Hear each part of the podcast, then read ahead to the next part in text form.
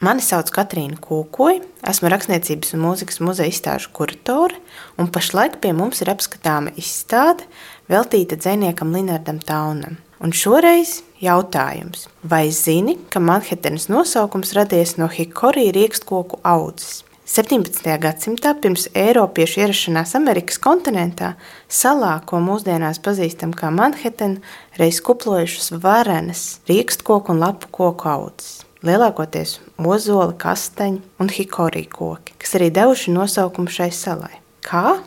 Vietējo iedzīvotāju man sīlenapī valodā manah nozīmē vākt, bet ān nozīmē šaujamo loku. Tātad tā ir bijusi vieta, kur meklēt materiālu šādu loku izgatavošanai. Īpaši vērtīgs šim nolūkam bijis hikorī koks. Trīs gadsimtus vēlāk Manhetena ir pārvērtusies līdz nepazīšanai. Zaļās koku audzes ir aizstājuši dzelzbetona džungļi. 20. gadsimta 50. gados, kad Linārds Tauns dzīvo Elas ķēķī, Ņujorka ir vieta, kur slēdz pasaules augstākie debesu skrāpji. Starp tiem arī Empire State Building ar 102 stāviem, 381 metru augstumā, kas starp citu ir augstāks nekā mūsu gaiziņkalns. Pieaugot industrializācijai un urbanizācijai, sabiedrībā sāk gruzdēt liela neapmierinātība gan ar apkārtējās vidas, gan gaisa kvalitāti, ko papildina arī citas aktuālas problēmas. Sociālā nevienlīdzība, cilvēktiesības, ASV aktīvā dalība Vietnamas karā. Tā bija vieta un laiks, kurā dzīvoja, iedvesmojās un rakstīja grupējuma Ellis ķēķis dalībnieki.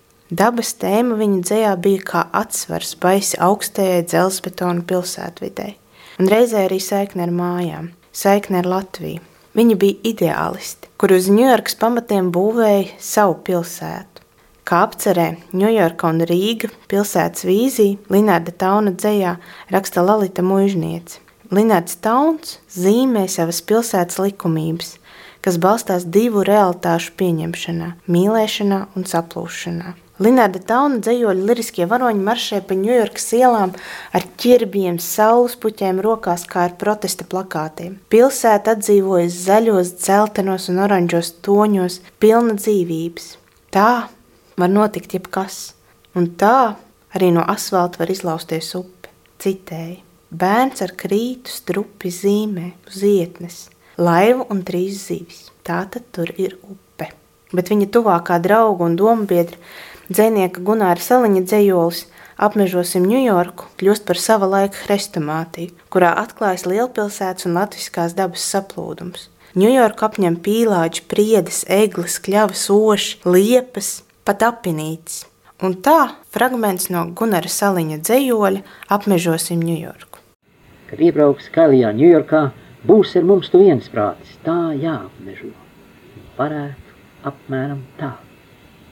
Ātrauģis bērziņš Taimskverā, Ozols, slepnākās avēnijās, Gremiķis ciemā, Pīlāģis, Pīlāģis, Sērvītols, Harlamā, Ostas rajonā, Priedis, Eglas, Kadiķi cerus ap lopkautuvēm, uz ik vietu, kur latviešu pulcējas, liepu, pļauju un ošu gatis, priekšpilsētas un šķērsieliņas, apsēsim beidzot ar jauktu mežu.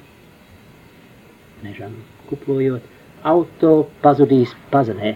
Zaļajā Ņujorkā skanēs vairs tikai tāštaurs, debeskrāpjos apviņkāps. Mūsdienās Ņujorkā ir aptuveni 2,5 miljonu koku un vairāk nekā 18 miljonu iedzīvotāju. Tā tad nu iznāk viens koks uz deviņiem cilvēkiem. Sargāsim tos!